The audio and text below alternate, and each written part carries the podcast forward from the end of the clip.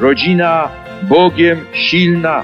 To jest zarazem rodzina jako siła człowieka, rodzina szlachetnych ludzi, rodzina ludzi wzajemnie obdarzających się miłością, zaufaniem, rodzina szczęśliwa i uszczęśliwiająca. Arka Przymierza.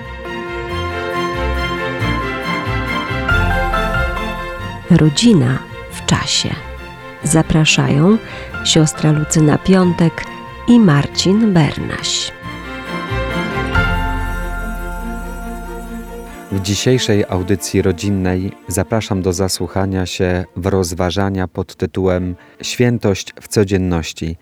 Rozważania księdza doktora Witolda Burdy, postulatora procesu beatyfikacyjnego i kanonizacyjnego błogosławionej rodziny Ulmów.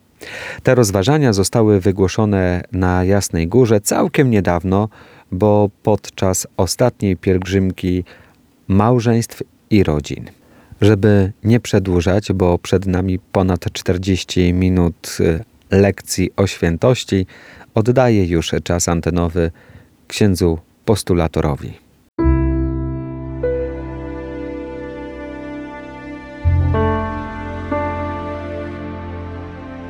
Proszę przyjąć tych kilka myśli w duchu takiego bardzo serdecznego, życzliwego podzielenia się tym, kim w moim życiu kapłańskim stała się i wciąż staje się rodzina Ulmów.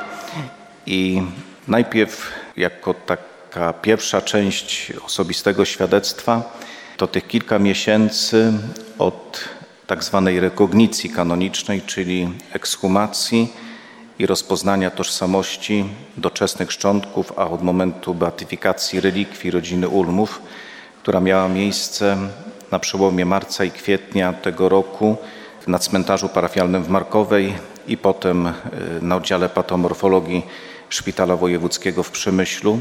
I potem, kiedy mogłem przez te kilka miesięcy codziennie tam w to miejsce, gdzie były przechowywane relikwie rodziny Ulmów, mogłem tam przychodzić i długie chwile spędzać na modlitwie, na refleksji. I biło z tego i wciągle bije, bo tam pozostały niektóre przedmioty, które się zachowały po ekshumacji. Bije z tego miejsca jakiś niezwykły klimat, niezwykła atmosfera takiego majestatu, głębi i wielkiego pokoju. I zapraszam wszystkich, żebyśmy pochylając się nad pięknem rodziny Ulmów, też zachwycili się tym, do czego Pan Bóg powołuje, dlaczego stworzył i do, do czego ciągle powołuje każde małżeństwo i każdą rodzinę. Ojciec święty Jan Paweł II, jeśli weźmiemy jego niezwykły dokument, do dzisiaj aktualny, troszkę zapomniany, ale warto go odświeżyć i na nowo po niego sięgnąć, mianowicie w adhortacji Familiaris Consortio o małżeństwie i rodzinie w 36 numerze pisze bardzo ciekawe słowa, że środowisko rodzinne to jest przestrzeń, która daje nam takie wartości jak dobroć, jak bezinteresowność, jak służba, jak czułość, duch ofiary, i dzięki temu to wychowanie, jakie rozpoczyna się w rodzinie, nadaje kierunek całej działalności wychowawczej, którą potem podejmie i we współpracy z rodziną Kościół, szkoła i dzięki temu w młodym człowieku, dorosłym człowieku będzie bardziej jeszcze narastać pragnienie ciągłego rozwijania się. I w tym duchu popatrzmy przez moment, w jakich rodzinach przyszli na świat Józef i Wiktoria Ulmowie, bo to jest fundament ich świętości. Józef Ulma, wiemy, że był jednym z czwórki dzieci Marcina i Franciszki. Warto popatrzeć najpierw na jego mamę. Każdy z nas pamięta świętą matkę Teresę z Kalkuty. Ostatnie lata życia ona coraz bardziej taka pochylona, skromniutka, zawsze uśmiechnięta, pogodna. I przyznam się szczerze, że gdy patrzę na zdjęcie mamy Józefa, to bardzo często przypomina mi się święta matka Teresa z Kalkuty. Kobieta, o której wiemy, że ostatnie lata życia codziennie była w kościele, uczestniczyła we mszy świętej. Popatrzmy na te niezwykle szlachetne, cudowne, ośmielam się powiedzieć, osoby, panie, starszych ludzi w naszych parafiach, których my jesteśmy tak naprawdę niewypłacalnymi dłużnikami. Często kościelni w naszych parafiach przychodzą, otwierają kościół i te osoby już niejednokrotnie czekają. Nawet się dziwią, dlaczego tak późno pan czy pani kościelna otwiera kościół. I oni się za nas modlą. My kiedyś na sądzie ostatecznym przekonamy się, ile im zawdzięczamy. I mama Józefa była właśnie taką osobą. Ona się bardzo dużo modliła. Z jej twarzy bije dużo takiej pogody, ciepła, dobroci. I wiemy, że w tym domu był czas na wspólną modlitwę rodziców z dziećmi. Śpiewano na przykład godzinki, odmawiano różaniec, regularne uczestnictwo we mszy świętej, w niedzielę, w święta. To jest taki pierwszy kluczowy rys domu rodzinnego Józefa Ulmy. Józef uczył się takiego bardzo ciepłego, serdecznego obrazu Pana Boga, właśnie jeśli chodzi o najpierw z przykładu swoich rodziców. Jest też takie zdjęcie taty Józefa, który przerywa pracę w polu, siada sobie tam na jakimś, jakimś kawałku drzewa, wyciąga książeczkę i zaczyna się modlić. Pan Bóg był kimś bardzo bliskim, niezwykle serdecznym, obecnym ciągle w ich rodzinnym życiu.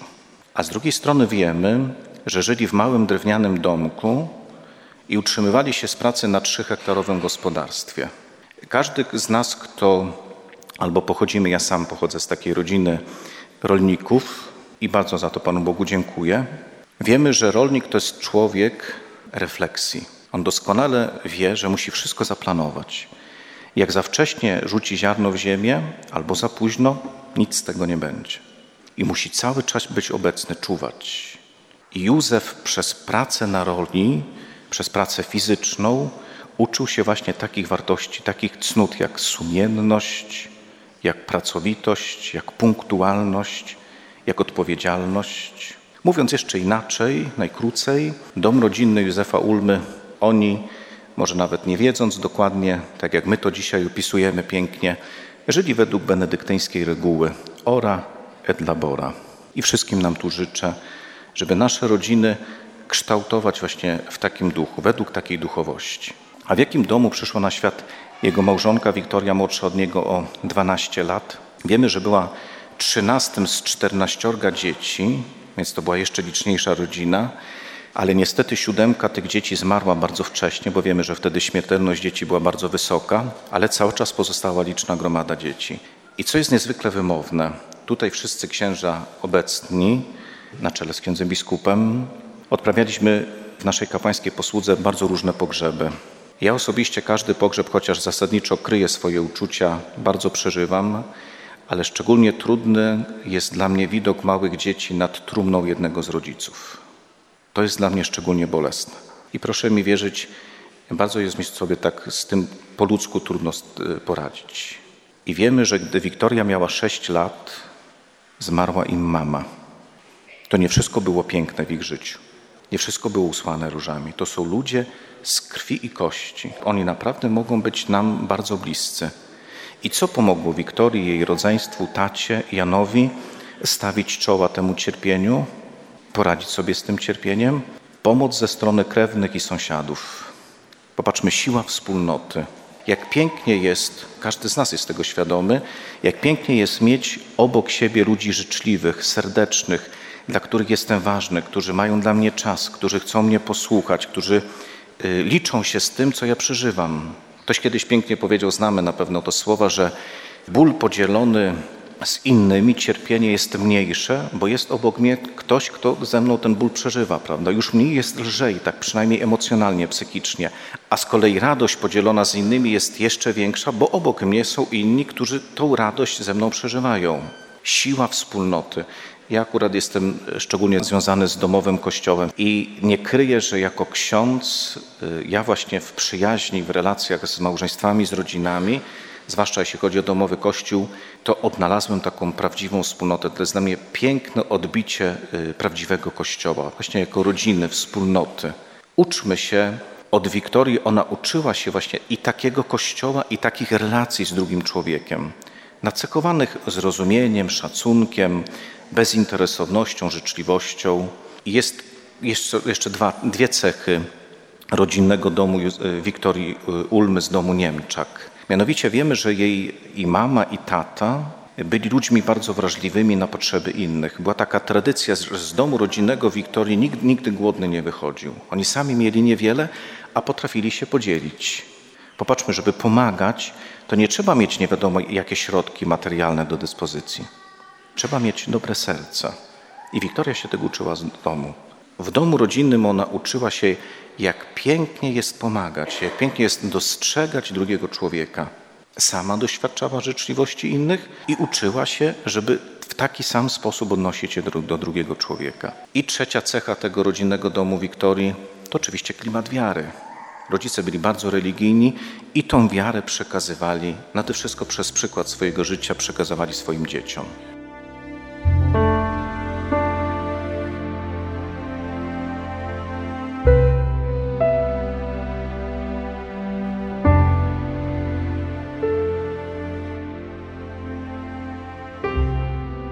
Każdy z nas, Józef i Wiktoria też są tego pięknym potwierdzeniem, otrzymał od Pana Boga pewien zasób y, cech naszej osobowości, naszego charakteru, poprzez które my, zgodnie z wolą Pana Boga, możemy też dążyć do świętości. I popatrzmy na świętych, jak to są różne osobowości. Są ludzie y, bardzo towarzyscy, wielcy mówcy, są też ludzie bardzo skromni. Każdy na swój sposób, zgodnie też z wrażliwością, ze swoją osobowością, kroczy zgodnie z wolą Pana Boga do świętości. I tak było też u Józefa i Wiktorii. Zwrócę uwagę na jedną cechę Józefa i tutaj do, do wszystkich mężczyzn, do wszystkich y, mężów i ojców słowo tak bardzo z potrzeby serca chcę skierować. Mianowicie wszyscy świadkowie przesłuchani na etapie decyzjalnym podkreślają, że Józef był człowiekiem na wskroś uczciwym. Dla niego słowo było święte. On jak powiedział tak, to było tak.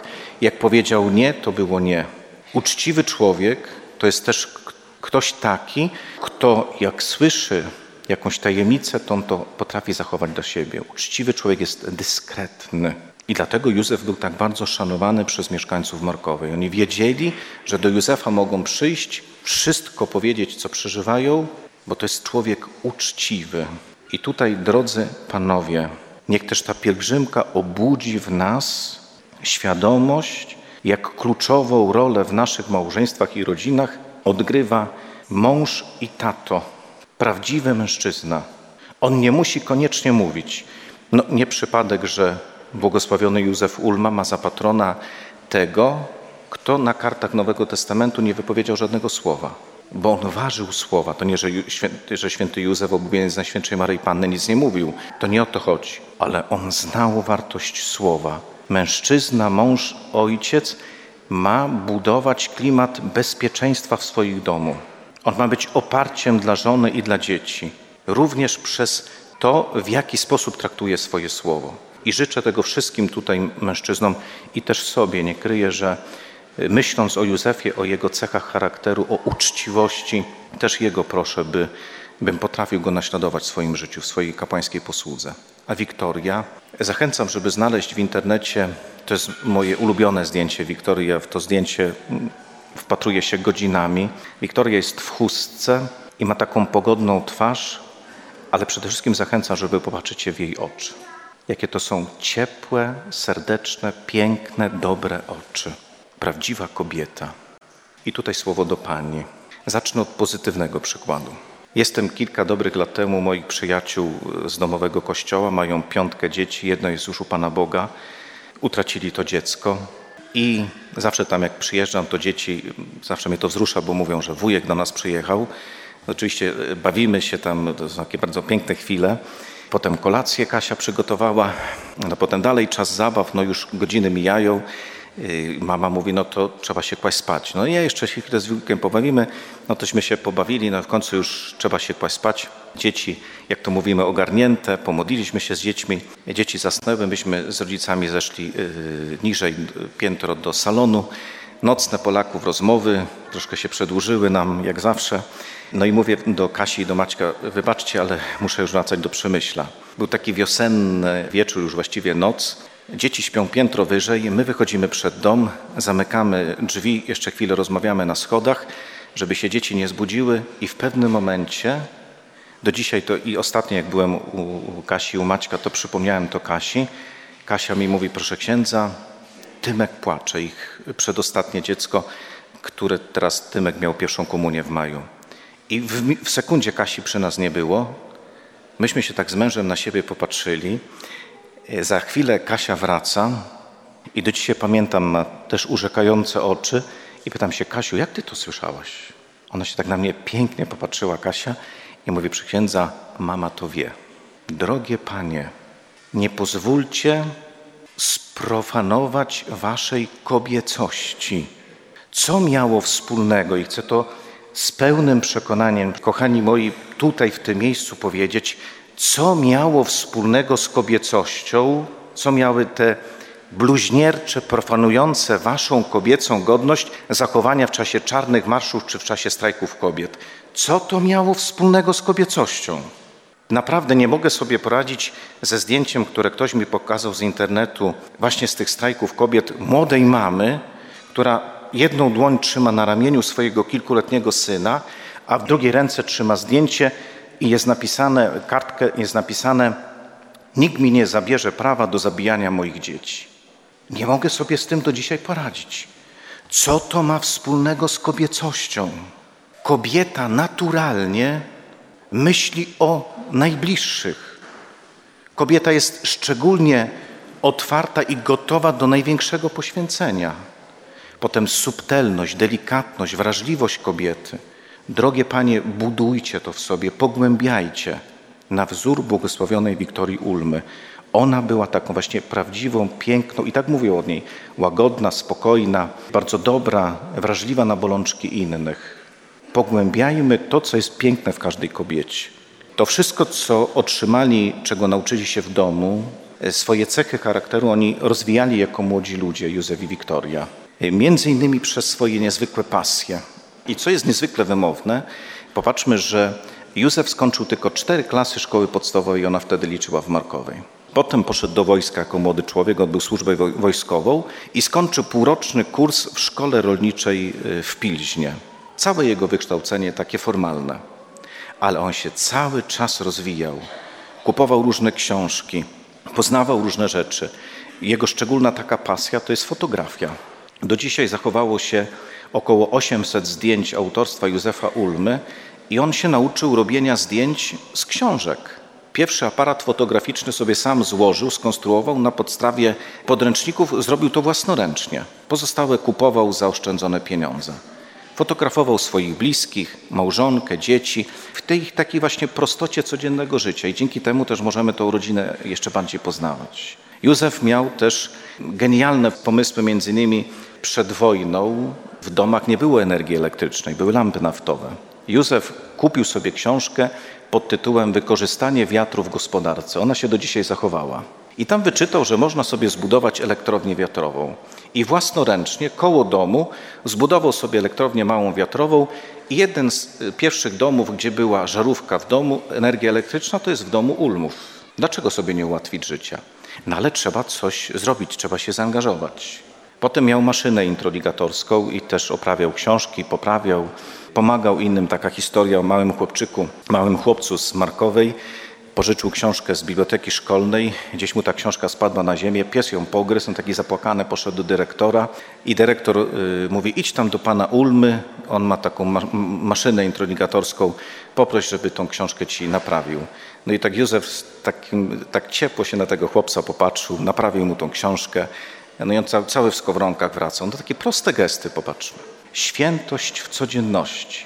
Chodzi o to, żebyśmy odkrywali że naprawdę nasza codzienność to jest najlepsza przestrzeń, żebyśmy stawali się coraz lepszymi ludźmi.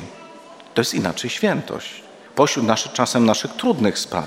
Ale Pan Bóg jest zawsze z nami. Ktoś mądrze powiedział, że Bóg jest tam, gdzie ja jestem.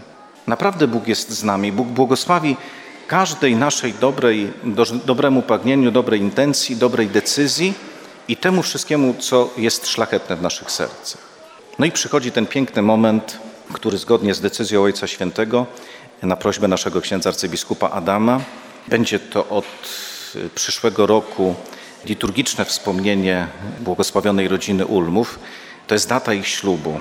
7 lipca 1935 roku. Jest taka historia, to krewni Józefa i Wiktorii opowiadają, bo Wiktoria była tym przedostatnim dzieckiem w tej licznej gromadzie. No i potem w ogóle, jak też młodszy brat umarł, no ona, ona była potem najmłodsza.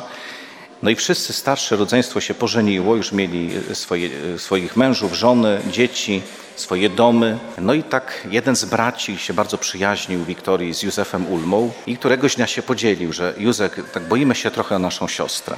No dlaczego? No bo ona tak trochę nieśmiała, taka skromna, dużo siedzi w domu, nie ma żadnego jeszcze narzeczonego, myśmy się już pożenili, mamy dzieci, a Józef miał powiedzieć, to ja się z nią ożenię. Jak powiedział, tak zrobił ale dlatego, że to był dojrzały, prawdziwy mężczyzna, odpowiedzialny. Bo miłość, no doskonale wiemy, to nie są uczucia. Miłość to jest decyzja woli. Miłość to jest pragnienie, które potem ja potwierdzam całym moim postępowaniem, że od tego momentu Ty jesteś po Panu Jezusie dla mnie najważniejszy tutaj na ziemi. I tak Józef przeżywał swoją relację z Wiktorią i tutaj na moment się zatrzymajmy, jakim byli małżeństwem. Jest takie inne zdjęcie, też zachęcam. Józef trzyma na kolanach Wiktorię i tam jest kilka takich szczegółów na, tym zdjęciu, takich pięknych. Najpierw wzrok Wiktorii taki opuszczony. Wiktoria nie skupia na sobie uwagi. Naprawdę piękna kobieta. Potem warto popatrzeć na jej ręce, takie bardzo spracowane. Ona naprawdę dużo fizycznie pracowała. I to, co mówią o Wiktorii świadkowie jej życia, nigdy nie narzekała. Nigdy nie lamentowała, że jest jej źle, że ma za dużo, ona ta, ta, ta, ten pogodny wyraz, taki skromny, ciepły wyraz twarzy. I też taki piękny wzrok Józefa, taki gdzieś zamyślony, wpatrzony, jakby coś więcej widzący.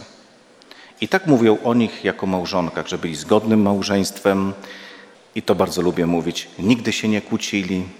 Jak to się można nie kłócić? Ile razy mi małżonkowie mówią, że księdza, ja temu mojemu tłumaczę i on nic nie rozumie. Albo się zaczynają wypominki, popatrzmy. Tyś jest taki jak twoja matka, albo jesteś jeszcze gorszy niż twoja matka. Twoja matka też taka była. I tak, tylko żebyśmy pamiętali, że wypominki są tylko w kościele i tylko w listopadzie. To by nam się wiele rzeczy ułatwiło. Prawda? No jak to się można nie kłócić? No i wiemy potem, inni świadkowie mówią, że w tym domu była taka ciepła, rodzinna, bardzo chrześcijańska atmosfera, którą razem Józef i Wiktoria budowali.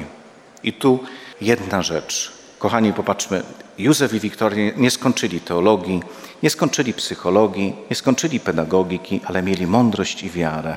A mądrość i wiara mówią nam jedno. Wtedy jest piękna, głęboka relacja małżeńska, jeśli mąż i żona żyją według jednej reguły. Ja żyję i postępuję tak, żeby współmałżonkowi było ze mną dobrze. To jest cały klucz też, jeśli chodzi o duchowość, relację małżeńską Józefa i Wiktorii, naszych nowych błogosławionych. Zachęcam do takiej szczerej modlitwy i głęboko ufam, że też ta peregrinacja relikwii naszych nowych błogosławionych Samarytan z Markowej jeszcze bardziej pomoże nam odkrywać, jak piękna jest właśnie taka postawa. Żyje tak, żeby drugiemu, współmałżonkowi, dzieciom było ze mną dobrze.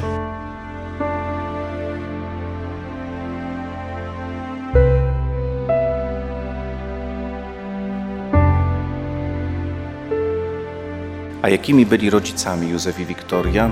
Y, jest takie kolejne zdjęcie y, Wiktorii między innymi, która pochyla się nad najstarszą córką Stanisławą, która w momencie śmierci miała 8 lat i co z nią robi? Odrabia lekcje. Wychowuje się dzieci najpierw mając dla nich czas. My mamy co roku w naszej diecezji między innymi rekolekcje o dialogu małżeńskim i rodzinnym, z takimi bardzo serdecznymi moimi przyjaciółmi, lekarzami z Krosna, Beatką i Andrzejem mam je zaszczyt prowadzić. I oni zawsze mówią, według badań w Polsce, średnio w rodzinie, dziennie, rodzice rozmawiają z dziećmi 7 minut, a średnio dziennie 210 minut spędzają w telefonie komórkowym przed telewizorem czy przed komputerem. No nie mówmy, że nie mamy czasu. Wychowuje się mając czas dla dziecka. I tutaj trudność tu mają pewnie zwłaszcza mężczyźni, y, mężowie, ojcowie, ale warto się przełamywać. Znamy na pewno niektórzy film pod tytułem Odważni. Jak ten jeden z ojców, jak umiera im y, młodsza córka i zostaje dorastający syn i cały czas są konflikty, cały czas jest napięcie. W pewnym momencie mu żona mówi, no bo syn biega, no to idź kup sobie buty i zacznij z nim biegać. No ja w moim wieku, ja już ledwo zadyszki dostaję i wszystko się zmienia, jak daję mu klucz, jedziemy do sklepu, y, ty prowadzisz, kupuję buty, będziemy razem biegać. Będziemy razem mieć czas dla dziecka.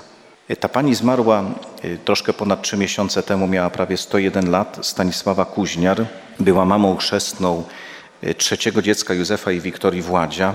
I ona też była przesłuchana na etapie decyzjalnym i mówi, że tydzień po urodzeniu dziecka cały czas była w domu Ulmów Pomagała Józefowi przy dzieciach, bo Wiktoria była bardzo słaba po porodzie, dochodziła do pełni sił, leżała w łóżku i widziała, jak Józef codziennie, codziennie klękał wieczorem z dziećmi do modlitwy.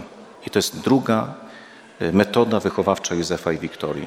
Mieć czas dla dziecka i być przykładem dla dziecka. Kiedyś w Poznaniu w latach 70.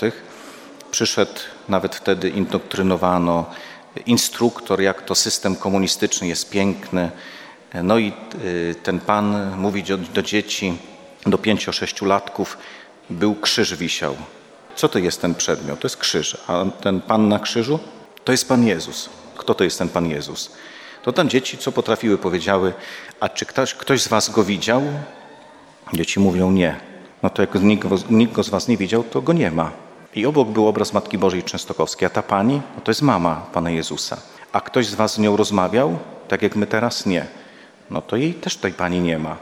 I wtedy taki sześciolatek, tak paluszek wziął, tak troszkę seplenił, mówi, proszę pana, mój tato jest mądry, ucy na uniwersytecie i on codziennie klęka przed ksyzem i przed obrazem Matki Bożej. Jakby nie było Pana Jezusa i Matki Bożej, to by przed nimi nie klękał. Ten się zamknął, papiery i poszedł. Bo widział, jak tato codziennie klęka. No i tutaj znowu do panów słowo. Najczęściej to są kobiety, prawda, w pierwszych ławkach. Panowie gdzieś tam z tyłu podpierają filary, ale jak ile znam takich rodzin, jak no panowie, czasem jesteśmy trochę jak hamulce ręczne. Żona może nie wiadomo co, starać się wychowywać religijnie dzieci, a ten chłop, przepraszam tak, że powiem tak bardzo dosadnie, jakiś taki opór jest z niego. A z kolei jak mężczyzna klęknie, weźmie różaniec do ręki, pójdzie do spowiedzi, no to to już jest prędkość naddźwiękowa. Naprawdę potrzeba waszego, panowie, zaangażowania. Józef był taki. Klękał z dziećmi do modlitwy.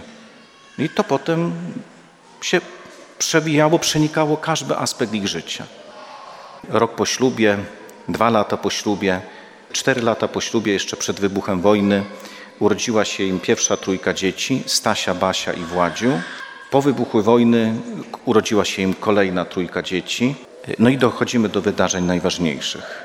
Warto się nad tym na chwilę zatrzymać. Mianowicie 1 września 1939 roku, wszyscy wiemy, o 4.35 rano niemieckie samoloty bombardują polskie y, bezbronne miasto Wieluń. Dziesięć minut później pancernik niemiecki Schleswig-Holstein atakuje posterunek na Westerplatte. Rozpoczyna się dramat II wojny światowej. I tu warto, bo też historia rodziny Ulmów to jest też wielka lekcja, jeśli chodzi o prawdę historyczną.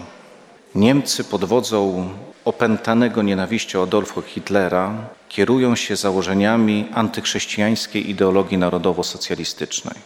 I ona ma w sobie takie cztery punkty.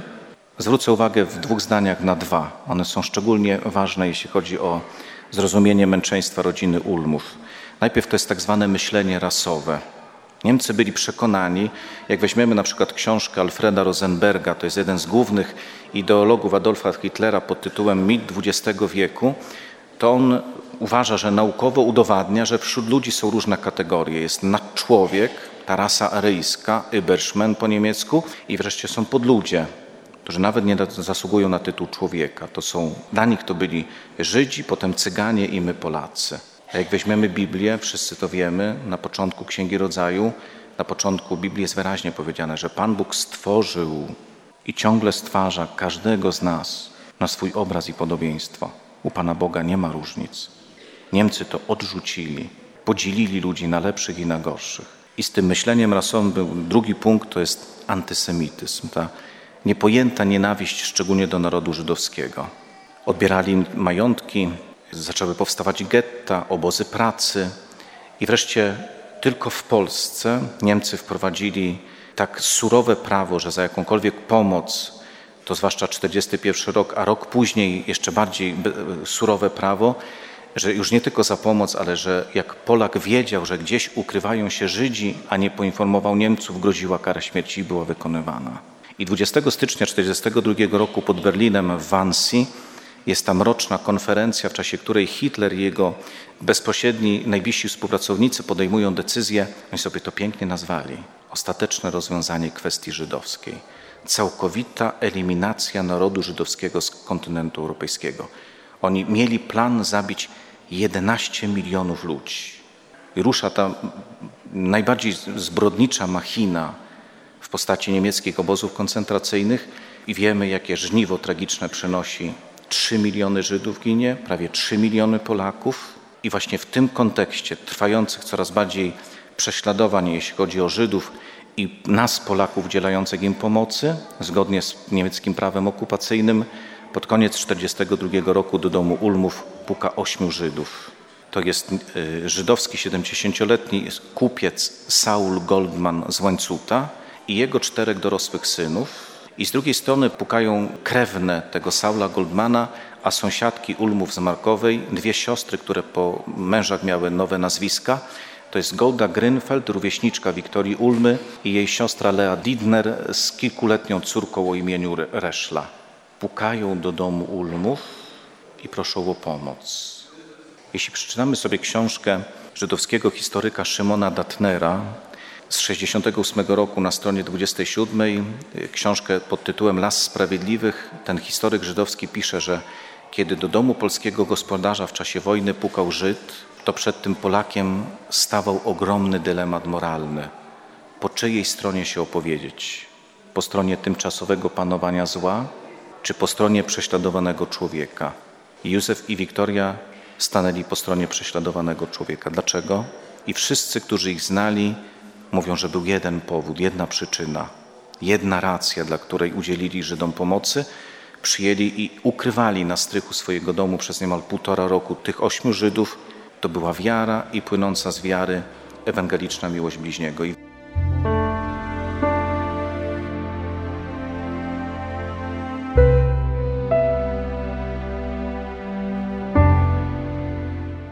Wielu z nas wie o Biblii znalezionej w ich domu. I tu na moment się zatrzymajmy. Ksiądz kardynał Semeraro w czasie mszy świętej beatyfikacyjnej pięknie o tym dwa razy powiedział. Tam te dwa podkreślenia na czerwono. Najmłodszy brat Józefa Ulmy Władysław, który znalazł tą Biblię i przechował do dzisiaj, zmarł w 2006 roku, zawsze powtarzał, że od tego momentu, jak znaleźliśmy tą Biblię, nikt niczego nie wykreślił i niczego nie dopisał. Możemy być spokojni, że to są podkreślenia które uczynili Józef i Wiktoria. I pierwszy to jest tytuł przypowieści o miłosiernym Samarytaninie, a pod spodem jest ołówkiem dopisane słowo tak. My tak chcemy żyć. My chcemy naśladować tego dobrego Samarytanina. Dla nas Słowo Boże jest najważniejszą normą naszych decyzji i naszego postępowania. Zapytajmy się, gdzie jest w naszych rodzinach Biblia, jak po nią często sięgamy. Z serca zachęcam, i szukajmy na wzór naszych błogosławionych.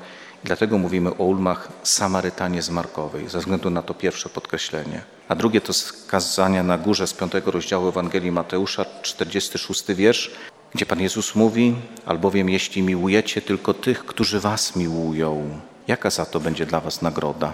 Miłość bliźniego posunięta aż po miłość nieprzyjaciół. I właśnie dlatego Józef i Wiktoria udzielili im pomocy. Józef był wielokrotnie przestrzegany: nie trzymaj Żydów, bo będzie nieszczęście.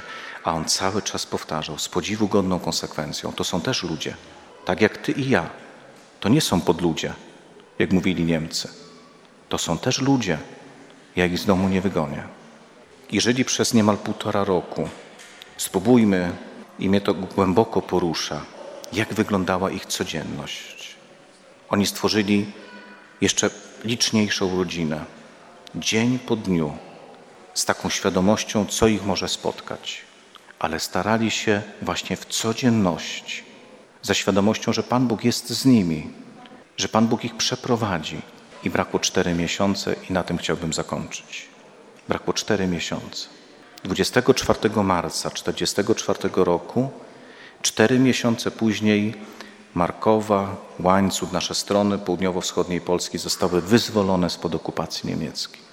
Najstarsza Stasia, córka Józefa i Wiktorii, przygotowywała się do pierwszej spowiedzi Komunii Świętej. Brakło dwa miesiące.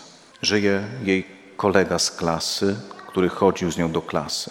Jak, z jakim on wzruszeniem o tym opowiada, że Stasia się bardzo dobrze uczyła, była bardzo zdolna, bardzo pracowita i już tego nie doczekała. I główny odpowiedzialny za mord na rodzinie Ulmów i na Żydach, których ukrywali, komendant żandarmerii niemieckiej w Łańcucie Eilert Dicken, co jest niezwykle wymowne, on był ochrzczony, był ewangelikiem. W 1941 roku wystąpił z kościoła. Od tego momentu, a nikt od niego tego nie wymagał. I stał się też komendantem żandarmerii niemieckiej w Łańcucie. Od SS, Gestapo to wymagali, żeby wyrzekli się wiary, a od żandarmerii niemieckiej nikt. Od tego momentu on zdecydował już nie Ewangelia. Pan Jezus już do niego jest nikim. To właśnie nienawiść do Żydów, do Polaków, antysemityzm, myślenie rasowe, myślenie antychrześcijańskie, antykościelne, przeciwko Ewangelii, to będzie dla niego źródłem życia, y, jego, jeśli chodzi o normy postępowania. I drugie nazwisko, które warto, żeby wybrzmiało, ale tylko słowo, to jest Józef Kokot. Miał tylko 23 lata. Jedyny, który poniósł z żandarmów, z oprawców konsekwencje prawne.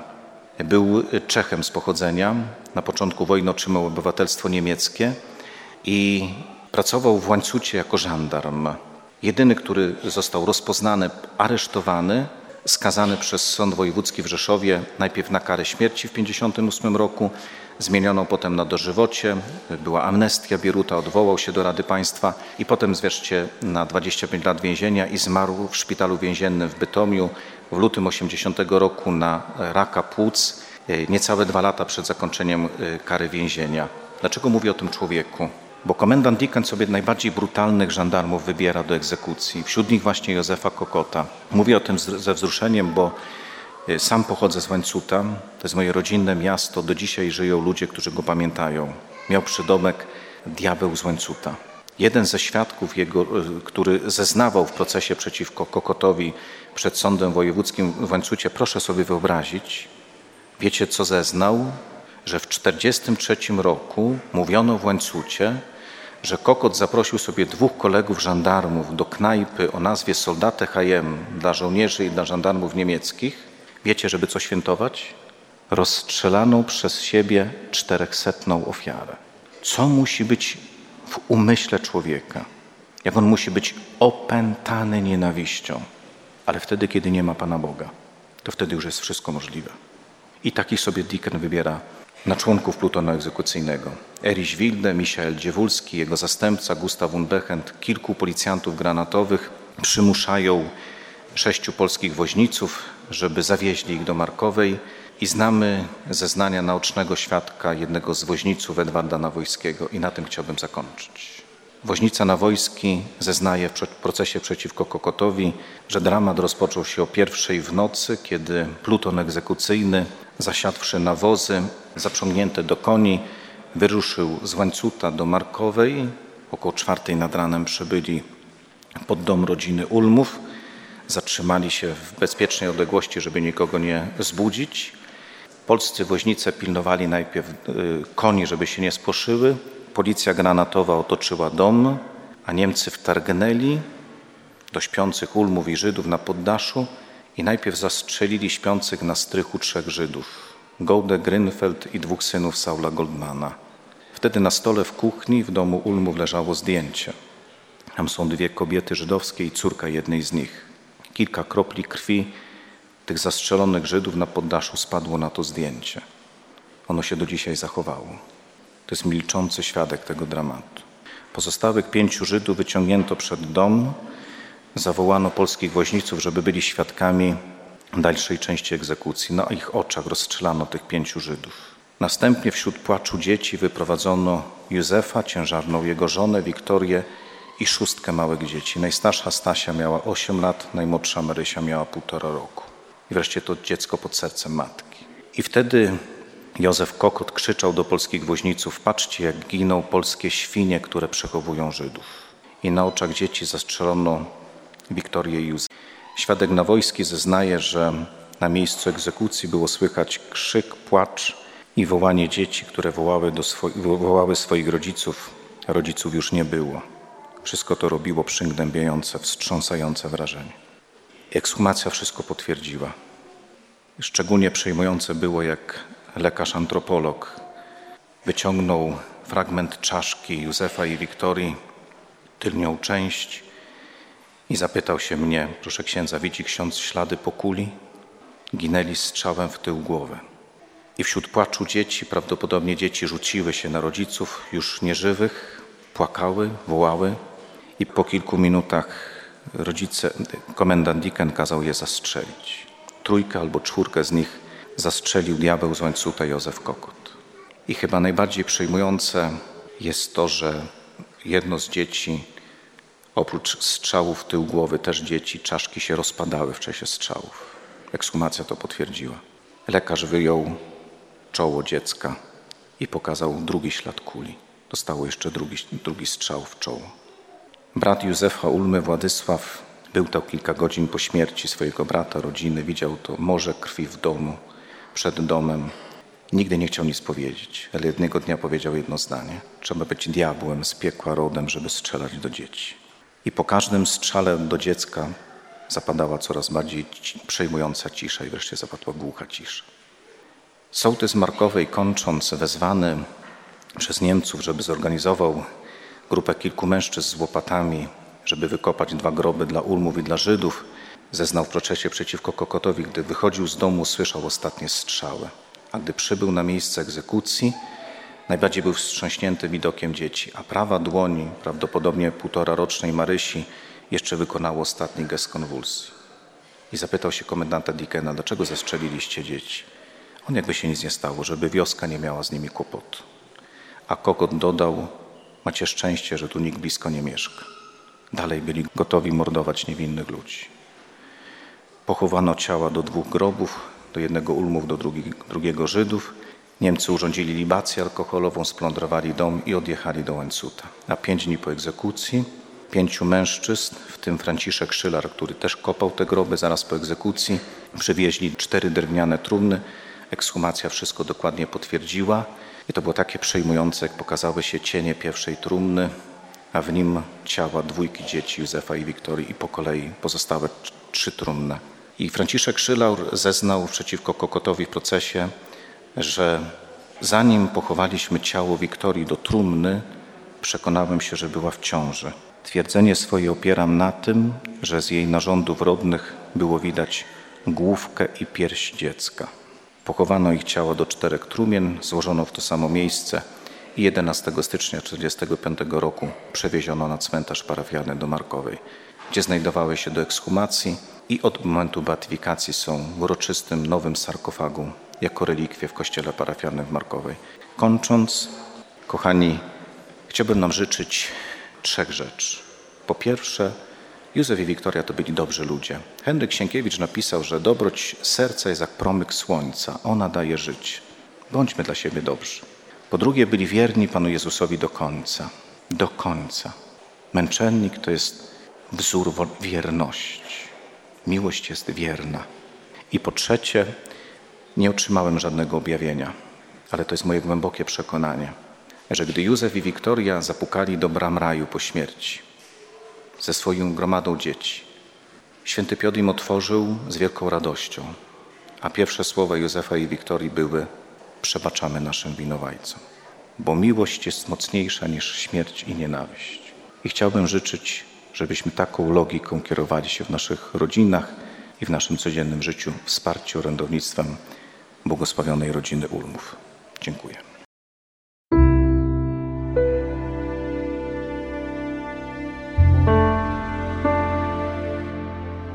W dzisiejszej audycji Rodzina w Czasie wysłuchaliśmy konferencji na temat Świętość w codzienności.